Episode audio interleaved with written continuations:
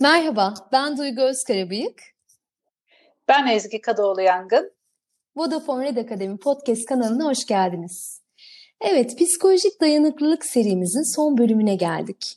Bu bölüme kadar çok özetle duygu ve düşüncelerimizi fark edebilmeyi, izleyebilmeyi, bu yolla kendimizi daha iyi anlayarak belirli bir davranışı ortaya koymadan önce seçim yapabilme gücümüzü konuştuk. Aslında her şey bunun için, seçim. Ve bu seçimle kendi gerçeğimizi ifade etmek ve yaşayabilmek, karşımızdakini duyabilmek, yani aslında tepkiden gerçek bir yanıta geçebilmek. Ben kimim? Hayatta ne istiyorum? Neye ihtiyacım var? Benim değerlerim neler? İşte bugün bu tüm seçimlerimizi konuşacağız. Ee, seçimlerimizin, davranışlarımızın, sözlerimizin, eylemlerimizin altındaki itici gücü. Şiddetsiz iletişim ekolüyle ben bu gücü ihtiyaçlarımız olarak tanımlıyorum. Ee, Ezgi sen de koçluk becerileri, koçluk ve psikoloji yaklaşımıyla aslında değerler perspektifinden ele alacaksın bugünkü bölümde. E, çeşitlilik olacağını düşünerek her iki açıyı da bugün yayınımıza getirmek istedik. E, arzu edersen Duygu ben kısaca biraz değerlerden bahsedebilirim. E, ben konuyu değerler açısından ele almayı çok kıymetli buluyorum. E, çünkü gerçekten o seçim anlarında e, nereye yöneleceğimizle ilgili, neleri seçeceğimizle ilgili, daha doğrusu seçeneklerimizin ne olduğuyla ilgili değerlerimiz bize çok e, ciddi bir ışık tutuyor. E, neden peki hani neden böyle bir önemi var dersek ben bunu kısaca böyle alt kategoride özetliyorum. Çok kısaca burada da anlatabilirim. Değerler önemli çünkü benliğimizin e, bir anlamda kimliğimizin de özünü oluşturuyorlar. Yani bizi biz Hı-hı. yapan, işte harekete geçiren, bize enerji veren, kararlarımızı alırken ne tarafa doğru gideceğimizi şekillendiren, e, belki de yakınlarımızın bizi e, tarif etme şekli değerlerimiz e, mesela birisiyle ilgili konuşurken işte çok arkadaş canlısıdır. Arkadaşlık o kişi için çok önemlidir dediğimizde bu kişinin hı hı. hani arkadaşlık ilişkilerinde de bir çalışan olarak, bir yönetici olarak, bir eş olarak farklı farklı rollerinde e, bu değeri yaşatacağını anlarız. Yani gözümüzde bu kişiyi böyle canlandırırız. Evet, ya da bizim... işte bu kişinin Bizim biricikliğimiz galiba değil mi? Bizim biricik hallerimiz aslında, biricikliğimiz. Evet, bizi e, tanımlayan, evet benliğimizi oluşturan e, önemli bir öğe. Demin de bahsettim, değerler biraz pusulamızda. E, bunu hatta biraz daha açmayı düşünüyorum sonrasında. E, günümüzde özellikle bu kadar çok değişimin, işte farklılığın, yeniliğin yaşandığı bir ortamda sürekli aslında seçim de yapıyoruz. E, yani mevcut düzen, mevcut hayat da bize birçok seçime e, önümüze dayıyor. O mu bu mu?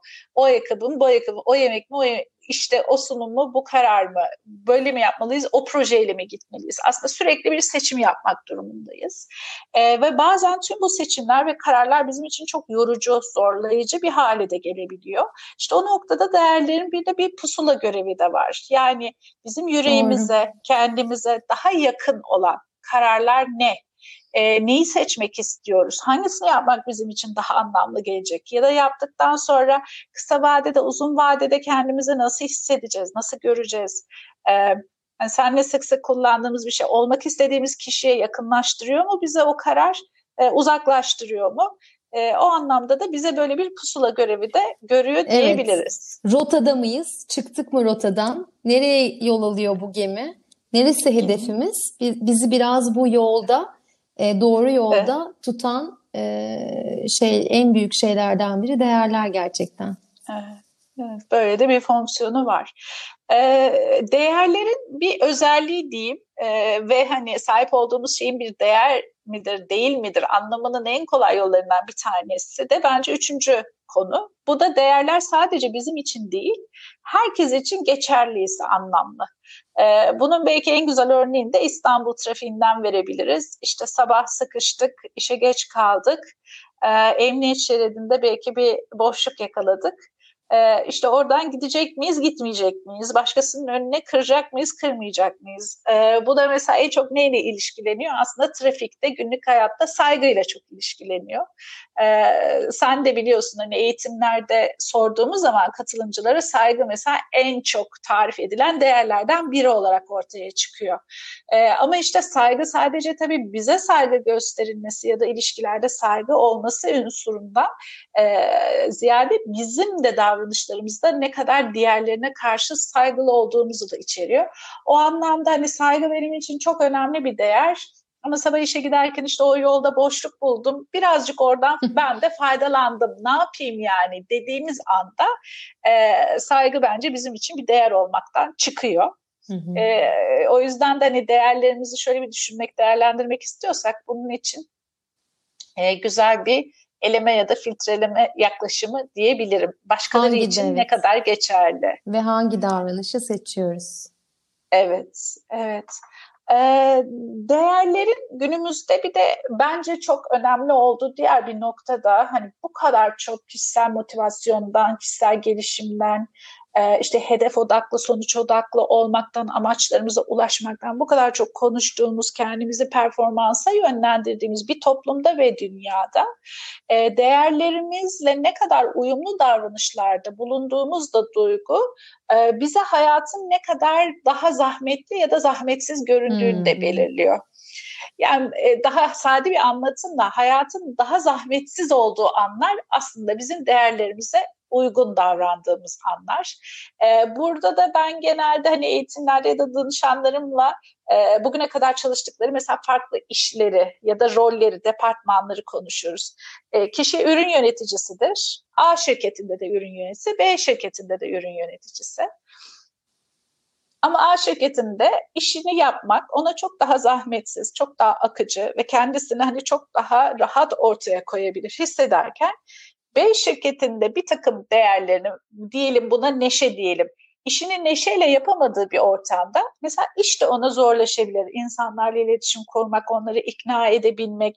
Eğer o kültür ve değerler e, onu desteklemiyorsa o yüzden e, hayatı da bize kolaylaştıran bir tarafı var diye düşünüyorum.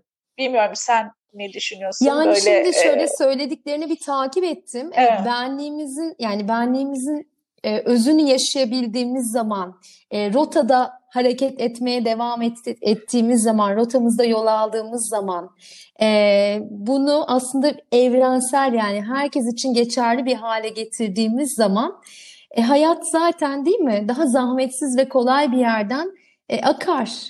E, Doğru. Katılıyorum evet. gerçekten. Evet.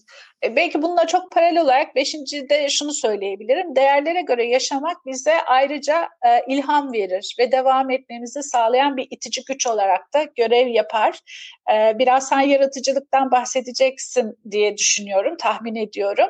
Hı hı. E, değerler bize daha fazla seçenek üretmemize yani değerlerimizle uyumlu yaşadığımız mesela demin dediğim gibi neşe bizim için önemliyse, bilimsellik bizim için önemliyse, e, açık iletişim varsayalım bizim bizim için önemliyse e, bu değerlerin yaşadığı bir çalışma ortamındaysanız mesela orada da yaratıcılığınızı sergilemeniz, fikirler oluşturmanız, problemlere farklı açılardan bakmanız da daha kolaylı olacak. Yani kendi zihninizin enerjisini de muhtemelen daha güçlü hissedeceksiniz.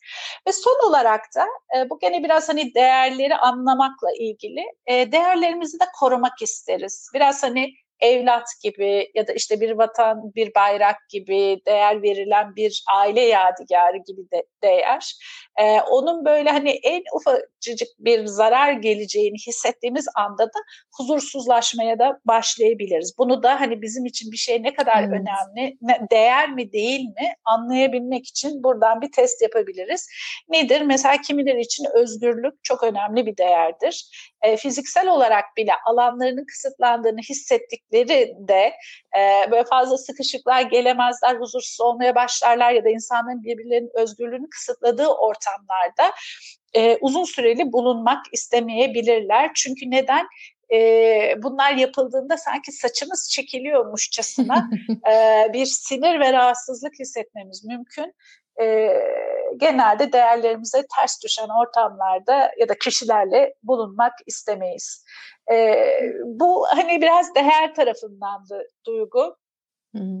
Sen de biraz ihtiyaçlar perspektifinden anlatabilir misin bize? Tabii tabii. Ee, ihtiyaçlar şöyle aslında şiddetsiz iletişim. Marshall Rosenberg'in şiddetsiz iletişim e, yönteminden e, yönteminin bir basamağı olarak e, bahsedeceğim ihtiyaçlardan.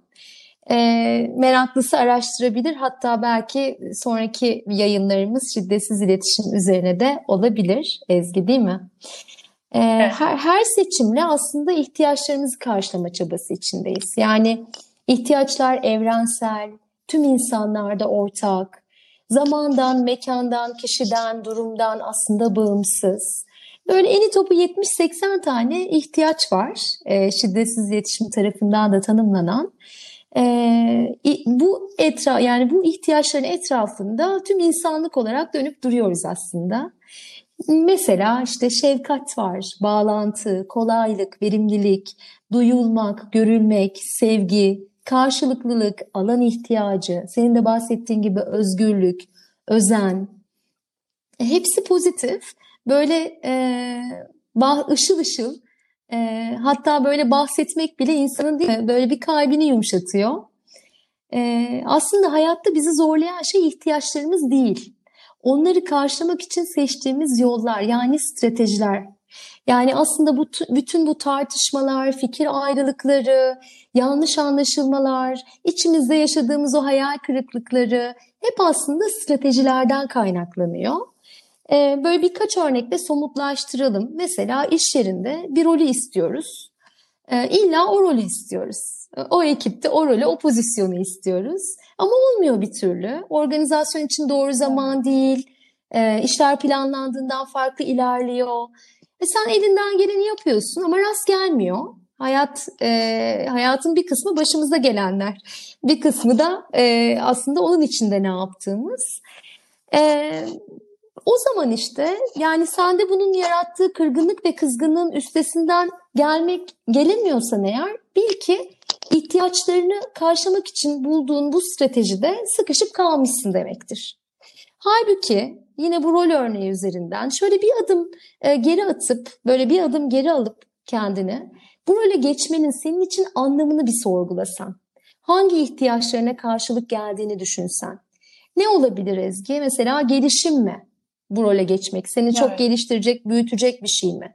Onur itibar mı? Değil mi? Bu da olur. Etki alanı genişler. Onur itibar ihtiyacın fazlasıyla Tabii hani karşılanır. Hani arkadaşlarımıza, ailemize hani bir terfi aldığımızı paylaşmak iyi gelir, iyi hissettirir. İyi gelir evet. Maddi çok... güvenlik mi? O pozisyonun, o rolün e, maddi olarak avantajları olabilir. İstikrar mı? E, değişimde, kariyerde, e, gelişimde yakalamak istediğin bir istikrar ihtiyacı mı? Yani aslında paralelde o rolü beklerken vazgeç demiyoruz. Ama bu ihtiyaçlarını e, görsen ve bunların karşılama, bunları karşılamanın da başka başka yollarını arasan, kendi gücünle buluşur hayatta daha zengin bir yerden yaşayabilirsin. Gelişim ihtiyacı için ne yapabileceğine bir bakarsın. Maddi güvenlik için, istikrar için, e, hepsi için farklı farklı stratejiler bulabilirsin e, paralelde elinden o, geleni yaparken. Burada şeyi de hatırlatıyor bu bana Duygu. Biz bazen hani e, bir bu stratejinin içerisinde birkaç ihtiyaç oluyor. Hepsini tek stratejiyle gidermeye çalışıyoruz. Çok doğru.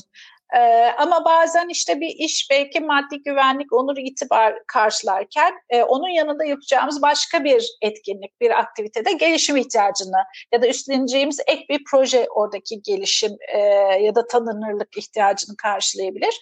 Böyle de e, farklı e, stratejiler üretilebilir değil Çok mi? Çok doğru. Şöyle diyebiliriz aslında eğer bir strateji ezgi senin birden çok elzem ihtiyacını karşılıyorsa ne mutlu sana.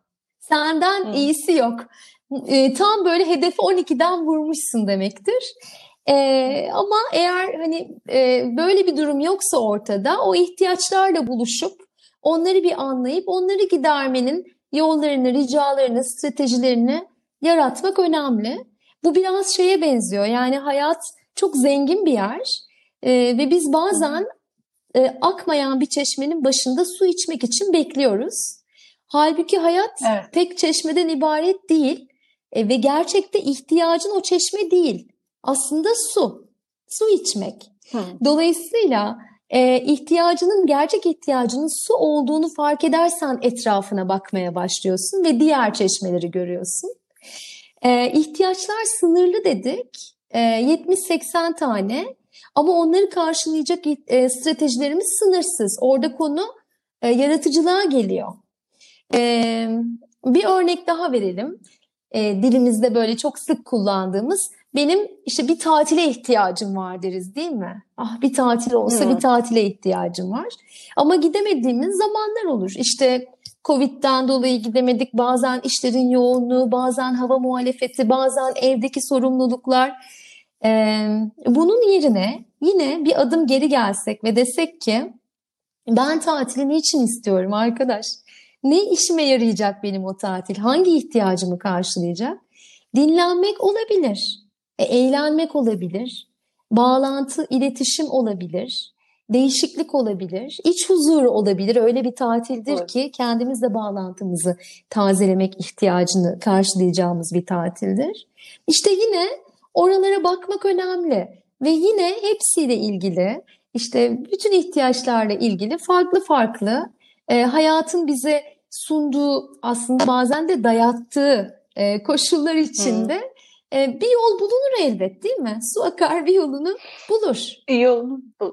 Bu örneğini bence çok kritik, çok da önemli bir örnek. Hele böyle beyaz yakalı işte belirli sınırlı sayıda tatil günleri, zamanları olanlar için. Hani biz bunun adına hep tatile ihtiyacım var diyoruz senin dediğin gibi. Halbuki onun altındaki ihtiyaca bakıp ona göre seçenek yaratmak çok daha anlamlı. Hani bunu şunun için söylüyorum. Ben dahi aslında birçok e, arkadaşımız tatilden döndükten sonra da böyle bir tatmin olmamış, bir dinlenmemiş, bir aradığı şeyi bulamamış da dönüyor.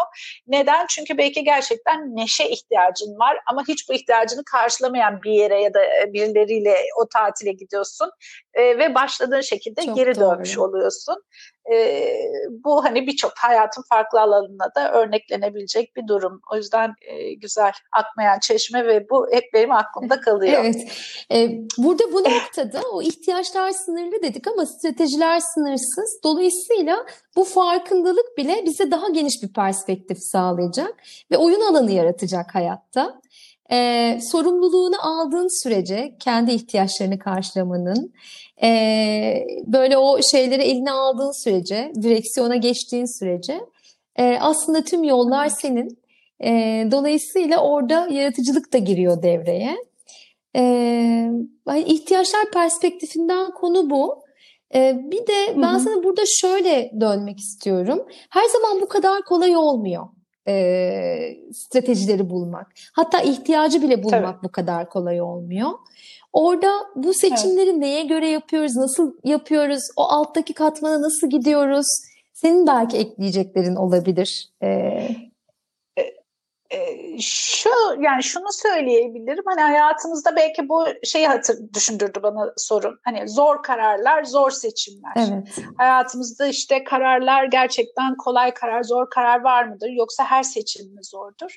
Şimdi burada da genel insanların hani ilk başvurduğu şeylere bakınca işte böyle eksi artı listeleri yapmak e, birbiriyle karşılaştırmak o mu daha iyi bunun avantajları ne şunun dezavantajları. İşte hani aklına fikrine güvendiğimiz insanları aramak sormak onun fikrini almak. Sonra bazen ay annem öyle dedi eşim böyle dedi. Ama en yakın arkadaşım da şöyle bir tavsiye verdi benim kafam şimdi iyice karıştı e, gibi durumlara düşmek.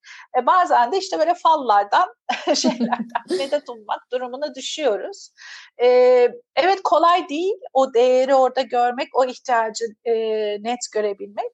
Ama tam da işte bu anlarda Demek ki kendimizi dinlemeye, değerlerimizi duymaya, ihtiyaçlarımızın ne olduğunu anlamaya e, biraz daha alan açmamız hmm. gerekiyor Duygu. Buna biraz zaman yaratmamız gerekiyor.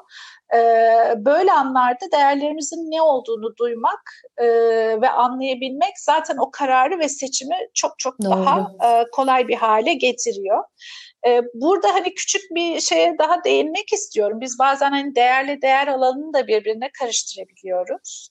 E, sen de biraz bahsettin bu rollerden. Hı hı. e, mesela eş olmak, evlenmek yani burada mesela gene strateji e, ya da amaç hani evlenmek gibi konuluyor. Yani ne zaman evleneceğim, düğünüm nasıl olacak, şöyle böyle. Ama burada en sorulması gereken kritik sorulardan bir tanesi ben nasıl bir eş olmak istiyorum?